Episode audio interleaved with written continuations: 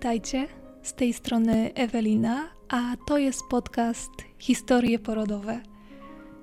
Bardzo serdecznie chcę Was zaprosić do wysłuchania naszego kolejnego odcinka podcastu Historie Porodowe. Dzisiejszy odcinek nosi nazwę Lubię rodzić. I będą to dwie historie porodowe Sylwii, Sylwia jest jedną z naszych słuchaczek i napisała do nas, e, że przesłuchała niemal wszystkie odcinki naszego podcastu i postanowiła opowiedzieć własne historie porodowe. Sylwia ma za sobą doświadczenie dwóch porodów siłami natury, ale jak już zdążyliście zauważyć i usłyszeliście w poprzednich odcinkach, porody rządzą się własnymi prawami i to dzieci bardzo często wybierają sposób, w jaki chcą się narodzić, a przede wszystkim kiedy chcą się narodzić. I tak też było w przypadku Sylwii, Erysia i małej Nelci.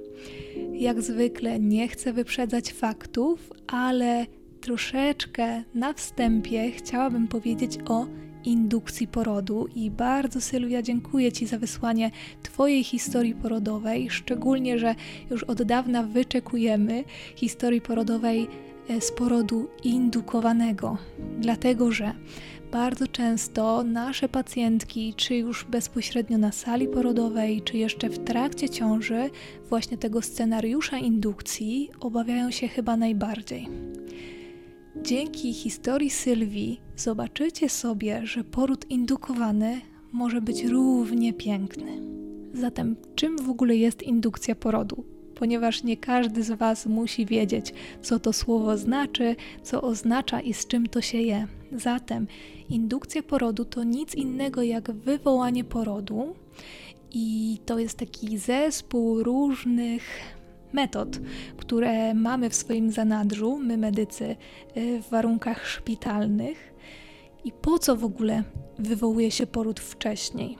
Istnieją różne sytuacje medyczne, w których kobieta mająca jakieś choroby, na przykład cukrzycę ciążową, nadciśnienie indukowane ciążą, czy jakieś inne przewlekłe schorzenia sprzed ciąży, lekarz, który prowadzi ciążę, przypuszcza, że czekanie na samoistne rozpoczęcie się porodu może na tyle obciążyć mamę lub obciążyć dziecko, że samoistne czekanie na rozpoczęcie porodu może być po prostu niebezpieczne, czy uważa, że lepiej będzie zakończyć tą ciążę właśnie w tym momencie.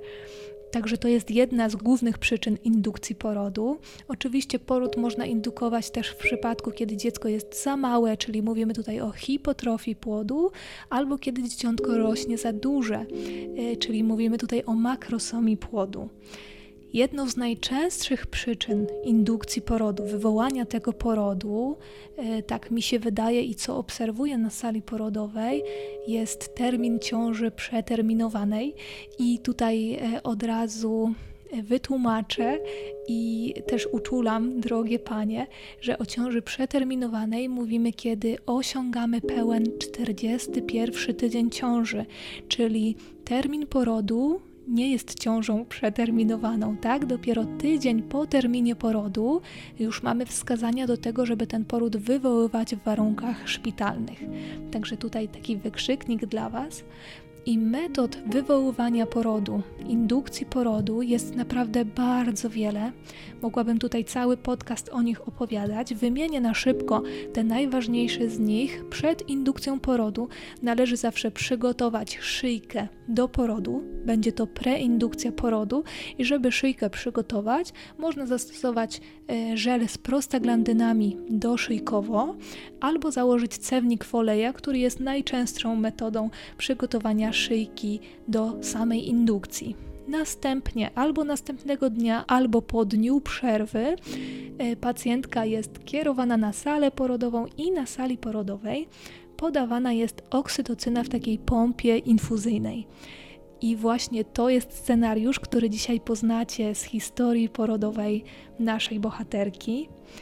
Bardzo nam zależało, żeby taka historia się pojawiła, dlatego żeby też trochę może zerwać z takim mitem, że poród indukowany to zawsze ciężki poród, bardzo bolesny, e, taki no, niepożądany przez większość pacjentek. Oczywiście my położne też kochamy porody, które rozpoczynają się same, e, bo wiemy i obserwujemy, że im mniej przeszkadzamy w porodzie, tym lepiej, ale czasami z różnych przyczyn musimy pomóc.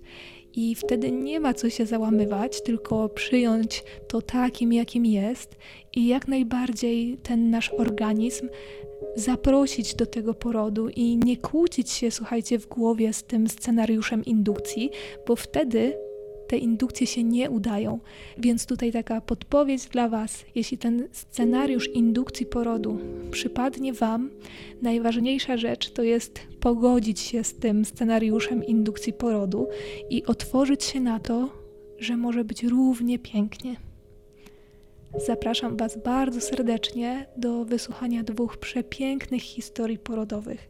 Takich historii, które zostawiają takie ciepło w sercu, Zapraszam do wysłuchania dwóch historii porodowych Sylwii.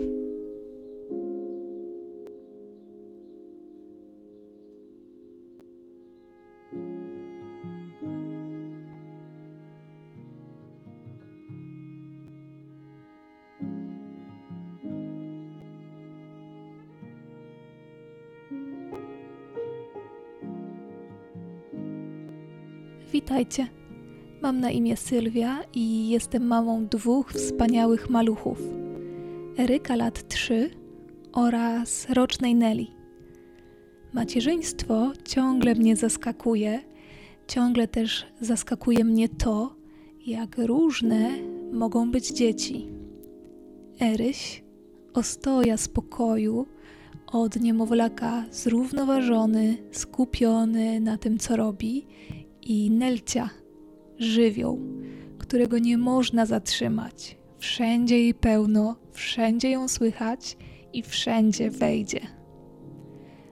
Ale zacznijmy od samego początku. O pierwszej ciąży dowiedziałam się kilka dni przed wylotem na podróż poślubną. Towarzyszyła mi wielka radość, ale i strach. Czy mogę lecieć samolotem? Jak to możliwe, że od razu się udało? Czy na pewno to ciąża? Kilka telefonów, badanie krwi i już wszystko jasne. Jestem w ciąży. Lecimy na podróż poślubną, a po powrocie pierwsza wizyta u ginekologa i jest mała fasolka, mój dzidziuś. Ciążę znosiłam idealnie. Co prawda, towarzyszyło mi niemalże od początku nadciśnienie ciążowe, ale poza tym było super. Do 36 tygodnia ciąży byłam aktywna. Dwa razy w tygodniu chodziłam na zumbę.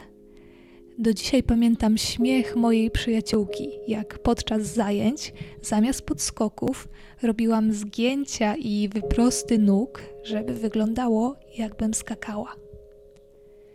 Już w szesnastym tygodniu ciąży usłyszałam od lekarza, że to prawdopodobnie chłopiec, tak też zostało, oraz że jest duży, jakieś dwa tygodnie większy niż wychodzi z terminu porodu, wyznaczonego na pierwszej wizycie.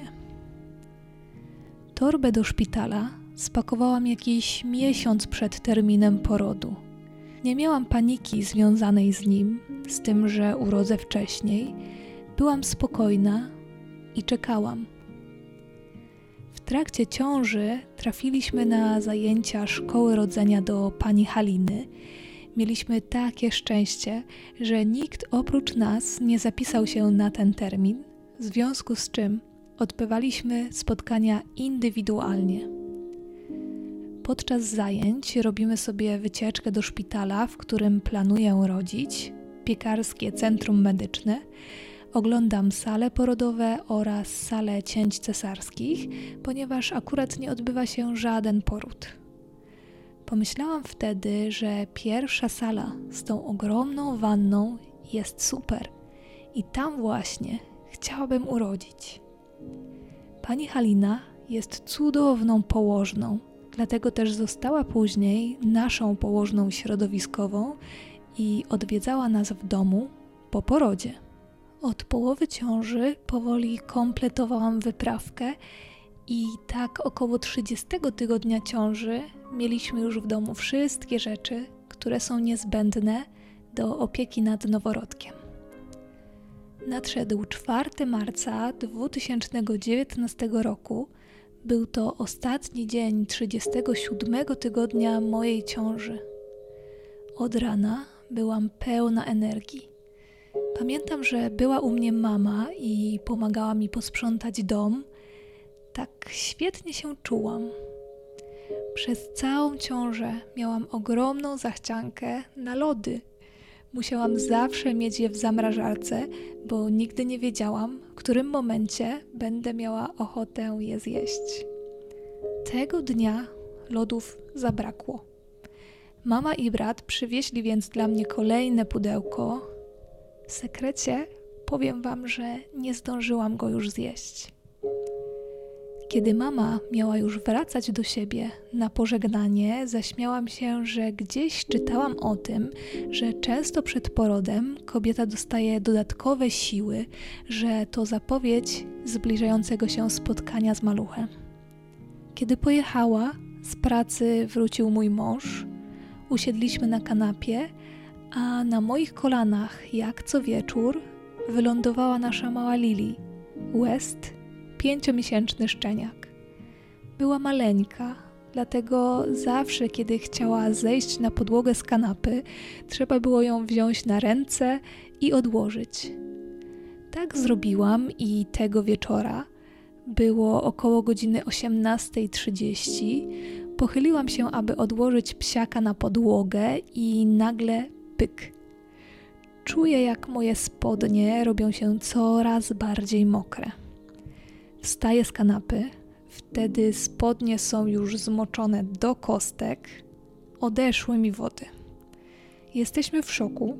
Położna na szkole rodzenia mówiła, że to się zdarza, ale nie brałam pod uwagę takiego scenariusza w moim przypadku. Szybko przypominam sobie jej słowa. Po odejściu wód, jeśli były one czyste, nie trzeba od razu jechać do szpitala. Biorę prysznic, sprawdzam jeszcze kilka razy moją torbę do szpitala i na spokojnie po 21 ruszamy. Od szpitala, w którym chcę rodzić, dzieli nas jakieś 20 minut drogi samochodem. Dojeżdżamy na miejsce, izba przyjęć, badanie, dokumenty. Położna z izby przyjęć prowadzi nas na salę porodową w celu wykonania badania KTG.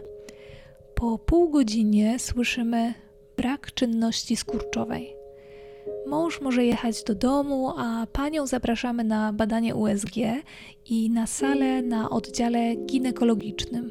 Lekarz podczas USG mówi, że z maluchem wszystko w porządku, szacowana masa 3 kg i 200 gramów, wody nie odpłynęły całkowicie, jeszcze sporo zostało.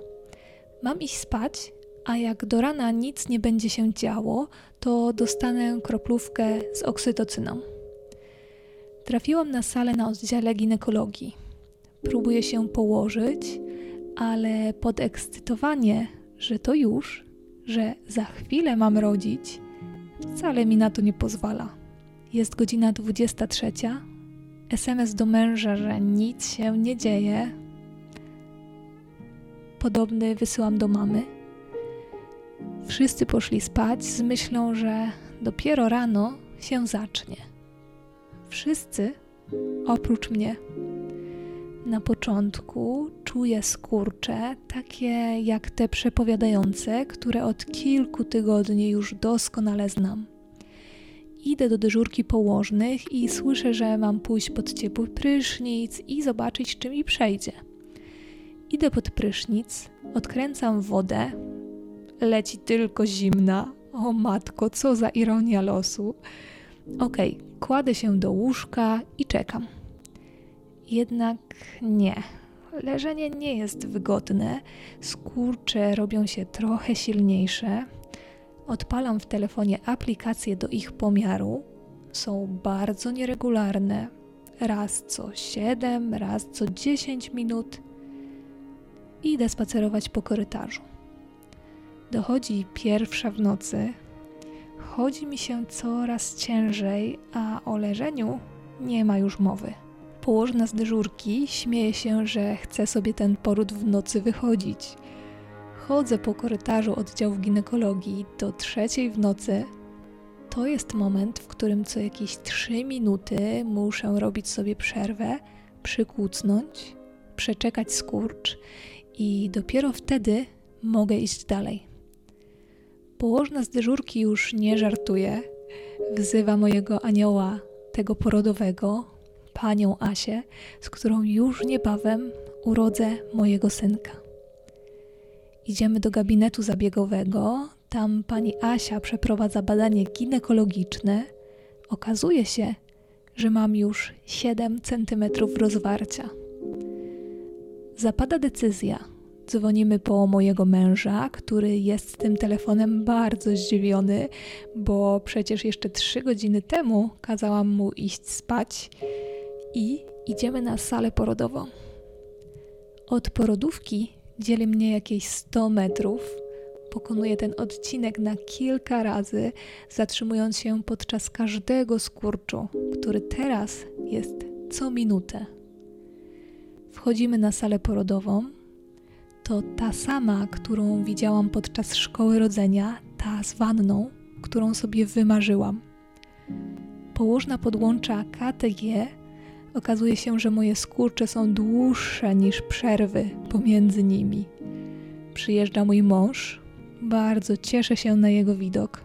Łapię go za rękę i nie puszczam już do końca akcji porodowej, o czym dowiaduję się od niego, bo sama nie wszystko już pamiętam.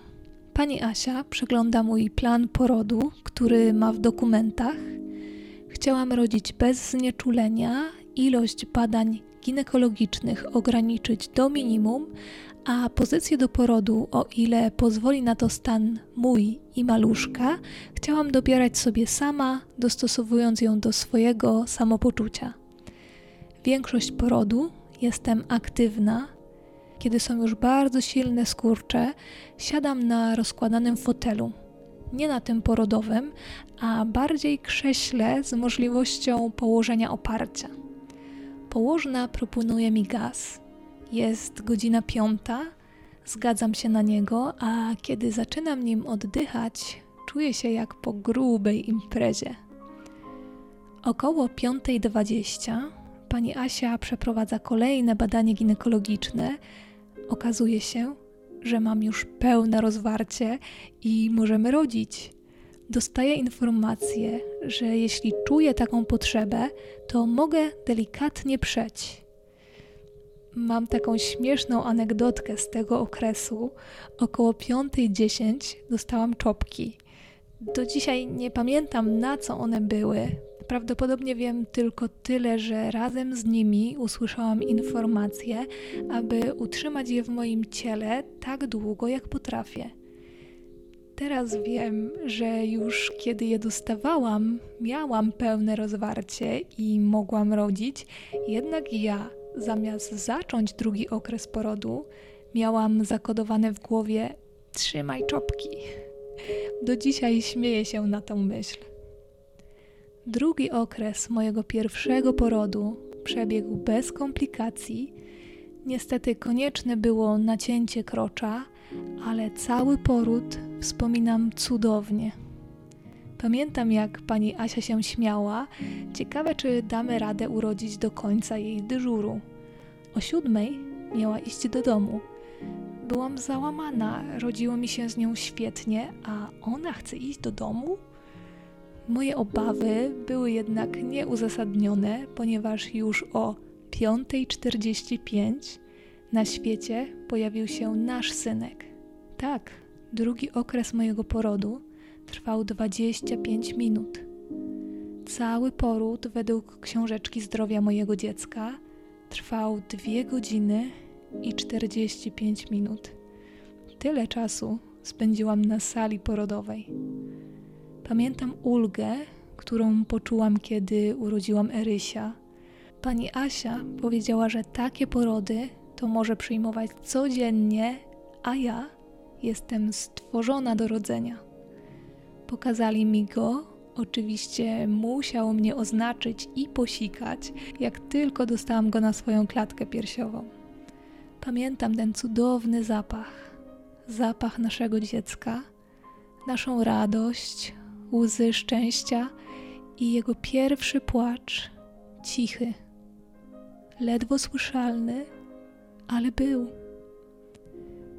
Chwila przerwy na ważenie i mierzenie, i już wiemy, nasz syn waży 3 kg 440 gramów i mierzy 54 cm.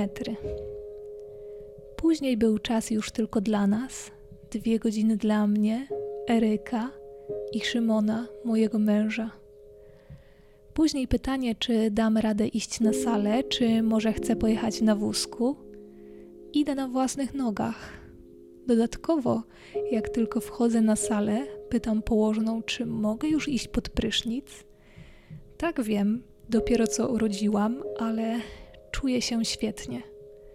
Tak już zostaje. Chyba faktycznie rodzenie to dla mojego organizmu coś tak samo oczywistego jak oddychanie. Jest cudownie.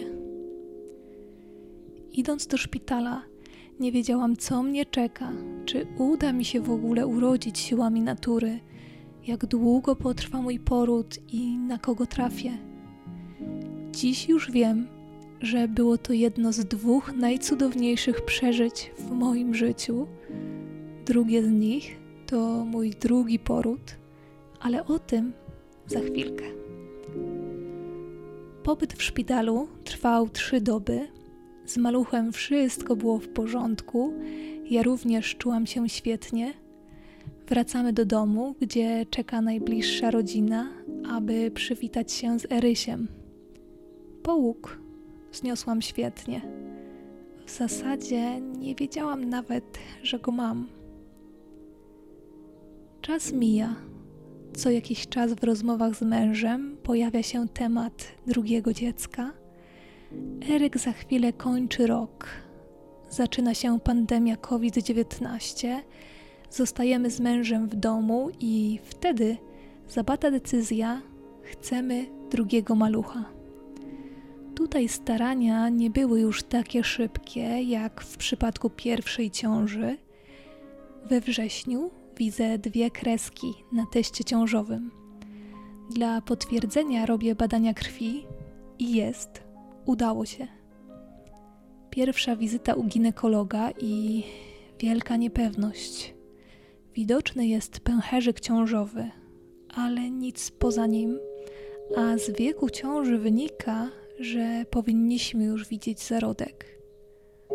Oczekiwanie na kolejne badanie to były najdłuższe trzy tygodnie w moim życiu. W tak zwanym międzyczasie zrobiłam kilka razy badanie krwi. Na szczęście beta rosła, pojawiły się także mdłości. Tak się wtedy z nich cieszyłam.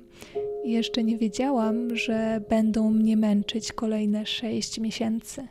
USG jest piękny dzidziuś z bijącym serduszkiem ogłaszamy nowinę światu. Nawet półtora roczny syn też się cieszy, mimo że pewnie jeszcze nie wszystko rozumie. Ciąża druga tak bardzo różna od pierwszej. Ciągłe mdłości, trwające całe dni i noce. Musiałam brać leki przeciwwymiotne, żeby móc cokolwiek zjeść. Maluch, za którym trzeba biegać, też nie ułatwia, jednak Eryś okazał się być bardzo dojrzały jak na swój wiek, bardzo dużo rozumiał i bardzo mi pomagał. Podczas drugich badań prenatalnych dowiadujemy się, że będziemy mieć córeczkę. Cieszymy się bardzo. Wszystko jest super, aż do 22 tygodnia ciąży, kiedy to zaczynam czuć skurcze przepowiadające. Wtedy jeszcze nie wiedziałam, że to za wcześnie. Nie pamiętałam z pierwszej ciąży, kiedy się one zaczynały. Okazało się, że skraca mi się szyjka. Zakaz podnoszenia synka i leki, które będę brać aż do 36 tygodnia ciąży. W 30 tygodniu pakuję torbę do szpitala, przerażona widmem porodu przedwczesnego. Mimo leków, skurcze nadal się pojawiają. Zwiększamy dawkę, dużo odpoczynku. Nieoceniona w tamtym czasie była pomoc dziadków, którzy przejęli w większości opiekę nad Erykiem. Zawozili go do żłobka i odbierali, a następnie spędzali u nas popołudnia. Czas leci, jednak strasznie dłuży mi się to oczekiwanie. Udało się. Dochodzimy do magicznego 36 tygodnia ciąży. Podczas badania ginekologicznego mam już skróconą szyjkę, odstawiamy leki i czekamy. Mijają kolejne dwa tygodnie. 38 tydzień, kolejne badanie i jest centymetr rozwarcia. Dostaję od mojej lekarki skierowanie do szpitala w razie gdyby się zaczęło. Na wszelki wypadek zapisuję się na wizytę za kolejne dwa tygodnie, dokładnie w dniu mojego terminu porodu, śmiejąc się, że pewnie i tak do tego czasu urodzę. Nic z tego. Nasza córka, mały uparciuch, stwierdza, że skoro na siłę ją tam trzymaliśmy, to ona teraz będzie tam siedzieć tak długo, jak się tylko da. Po wizycie w 40 tygodniu ciąży dostaję zalecenie, aby za dwa dni zgłosić się do szpitala. Tak też robię. Rano odwozimy z mężem synka do żłobka i jedziemy do szpitala. Jest 20 maj 2022 rok. Czas pandemii, dlatego mąż zostaje odesłany do domu już spod drzwi szpitala ja natomiast przed przyjęciem na oddział mam wykonywany test w kierunku COVID. Jest negatywny. Położna prowadzi mnie na salę na oddziale ginekologii. Czekając na badania, spaceruję po korytarzu. W tym momencie zaczynam się zastanawiać, co ja tu właściwie robię. Przecież termin mojego porodu był dopiero dwa dni temu. Czy będę tu czekać tyle dni? Po południu lekarz oraz położna zapraszają mnie na badanie. W USG wszystko w porządku. Szacowana masa dzidziusia, podobnie jak poprzednio, pokazuje 3 kg 200 gramów. W badaniu ginekologicznym okazuje się, że mam już 4 cm rozwarcia, czego zapis KTG zupełnie nie pokazuje. Rozmawiam z lekarzem i położną, którzy słysząc jak przebiegał mój pierwszy poród, decydują, że następnego dnia rano, jeśli do tego czasu poród się nie rozpocznie, otrzymam kroplówkę z oksytocyną i zobaczymy, czy coś się rozkręci. Kładę się spać i śpię całą noc jak dziecko. To moja pierwsza przespana w pełni noc od czasu pierwszego porodu. Położna rano pyta, czy w nocy miałam skurcze, a ja nie wiem, co się działo. Tak mocno spałam. Około godziny dziewiątej jestem już gotowa i tu pojawia się mój drugi anioł, młoda położna o imieniu Sonia. To ona zabiera mnie i moje rzeczy na salę porodową i omawiamy sobie mój plan porodu. Jest on bardzo podobny, z jedną małą różnicą. Chciałabym urodzić córeczkę w wannie. Szpital, w którym rodzę, to ponownie piekarskie centrum medyczne. Pozwala na porody w wodzie. Przyjmują takich kilka w miesiącu. Po rozmowie mam założony wenflon i około 9.15 podłączają mikroplówkę. Na początku leci bardzo powoli. Do około 10 nic się nie dzieje. Okazuje się, że w jednym miejscu zagiął się wężyk i oksytocyna nie wpływała do mojego organizmu. Kiedy zostało to naprawione i oksytocyna zaczęła faktycznie płynąć, wszystko nabiera tempa bardzo szybko. O 11 mam już regularne skurcze, co około 5 minut. Położna wykonuje badanie 5 cm rozwarcia i odpina kroplówkę, abym mogła być aktywna w trakcie porodu. Dostaje zielone światło na telefon po męża. Już wiadomo, że dziś urodzę. Położne mówią, że może przyjechać na spokojnie około 12.30, 13.00. Na szczęście byłam z nim w stałym kontakcie SMS-owym. O 11.40 piszę mu, że może się powoli do nas zbierać, bo skurcze są już bardzo mocne i częste. Okazuje się, że mąż w tym czasie spokojnie je jeszcze ostatni posiłek przed wyjściem z domu i zbytnio się do nas nie spieszy. Przecież nie urodzę w pół godziny. Czyżby? O dwunastej położna prosi mnie, abym się położyła, chce mnie zbadać, zrobić ostatnie KTG, a jednocześnie zaczyna wlewać wodę do wanny, abym mogła za chwilkę do niej wejść. W badaniu okazuje się, że mamy już praktycznie całkowite rozwarcie, brakuje 1 cm. 10 minut później, podczas wykonywania badania KTG, odchodzą mi wody. Mam całkowite rozwarcie, możemy powoli rodzić. Dopiero wtedy proszę o gaz. Wiem, jak bardzo pomógł mi podczas pierwszego porodu, ale chwila. Gdzie jest mój mąż? Całe szczęście, że był on zaszczepiony przeciwko COVID. W innym wypadku musiałby przed wejściem do szpitala zrobić test, co w naszym przypadku oznaczałoby, że na salę wszedłby, kiedy nasza córka byłaby już na świecie. Jest 12.15, mój mąż wbiega na salę porodową. Uf, jak dobrze, że jest ze mną. Już naprawdę niewiele zostało. Widać główkę. Chwilę później słyszę, że malutka ma pępowinę okręconą wokół szyi. Nabieram po tych słowach takich sił, że o 12.25 nasza córka rodzi się w zasadzie na jednym skurczu. Gdyby ktoś zastanawiał się, ile trwał mój drugi poród, według książeczki zdrowia, pierwszy okres porodu godzina i 10 minut, natomiast drugi całe 15 minut.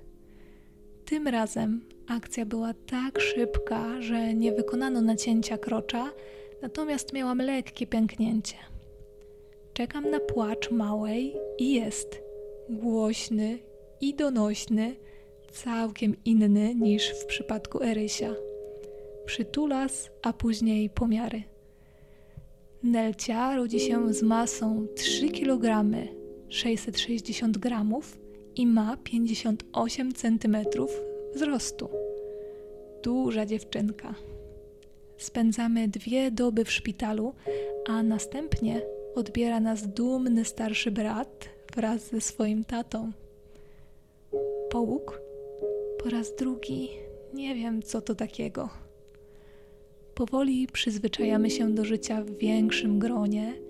Nela jest całkiem inna niż jej brat.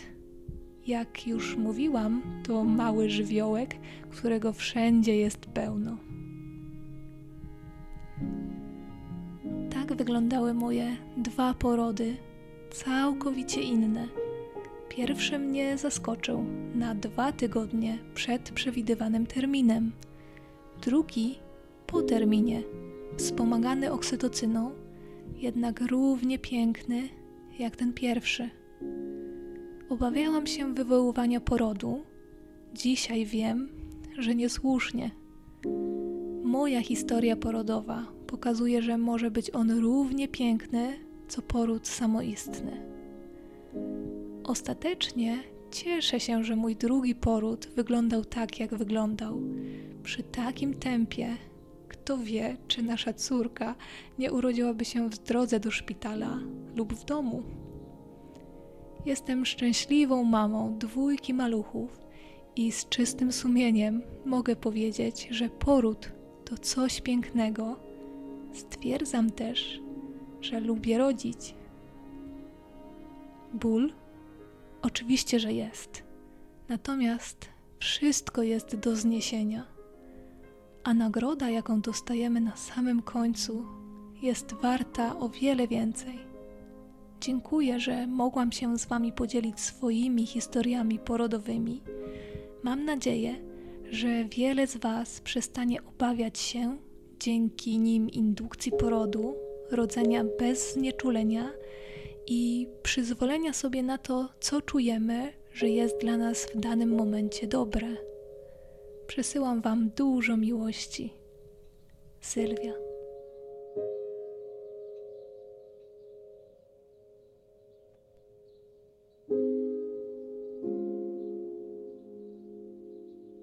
Cześć dziewczyny, z tej strony Sylwia. Właśnie miałyście okazję wysłuchać moich historii porodowych, z czego bardzo się cieszę. Jak widać na moim przykładzie, każda ciąża i każdy poród jest inny. Nie warto się bać. Każda z nas w momencie, kiedy staje się mamą, kiedy dowiaduje się o tym, że nosi pod sercem swoje maleństwo, od razu ma na myśli miłość, radość i szczęście z tego, że się udało, że powstaje w nas nowe życie. Nie wierzę w to, że ktoś od razu, w momencie, w którym dowiaduje się o ciąży, czuje strach przed porodem, przed bólem, który podczas niego będzie. Nie mamy w sobie obaw o to, jak długo poród będzie trwał i jak będzie przebiegał. Dlaczego więc pod koniec ciąży tak bardzo się tym zadręczamy? W wielu przypadkach nie mamy wpływu na to, jak potoczy się nasza droga do spotkania swojego maluszka, jak będzie przebiegał nasz poród, a także na to, czy uda nam się urodzić siłami natury, czy też będzie konieczne cięcie cesarskie. W związku z tym moja rada dla wszystkich kobiet, które czekają na ten dzień. Nie stresujcie się. Starajcie się nie myśleć o swoich obawach, a o tym, że już niebawem zobaczycie swoje największe szczęście. Poród naprawdę może być piękny. Nie ma tu znaczenia to, czy jest to poród przed terminem, czy też poród po terminie, wywoływany przy pomocy oksytocyny, jak było w moim przypadku. Jak już napisałam, co miałyście okazję usłyszeć, dni moich porodów były dwoma najpiękniejszymi dniami mojego życia. Tego też Wam życzę, kochane. Trzymajcie się i myślcie pozytywnie, a wszystko inne potoczy się swoim rytmem.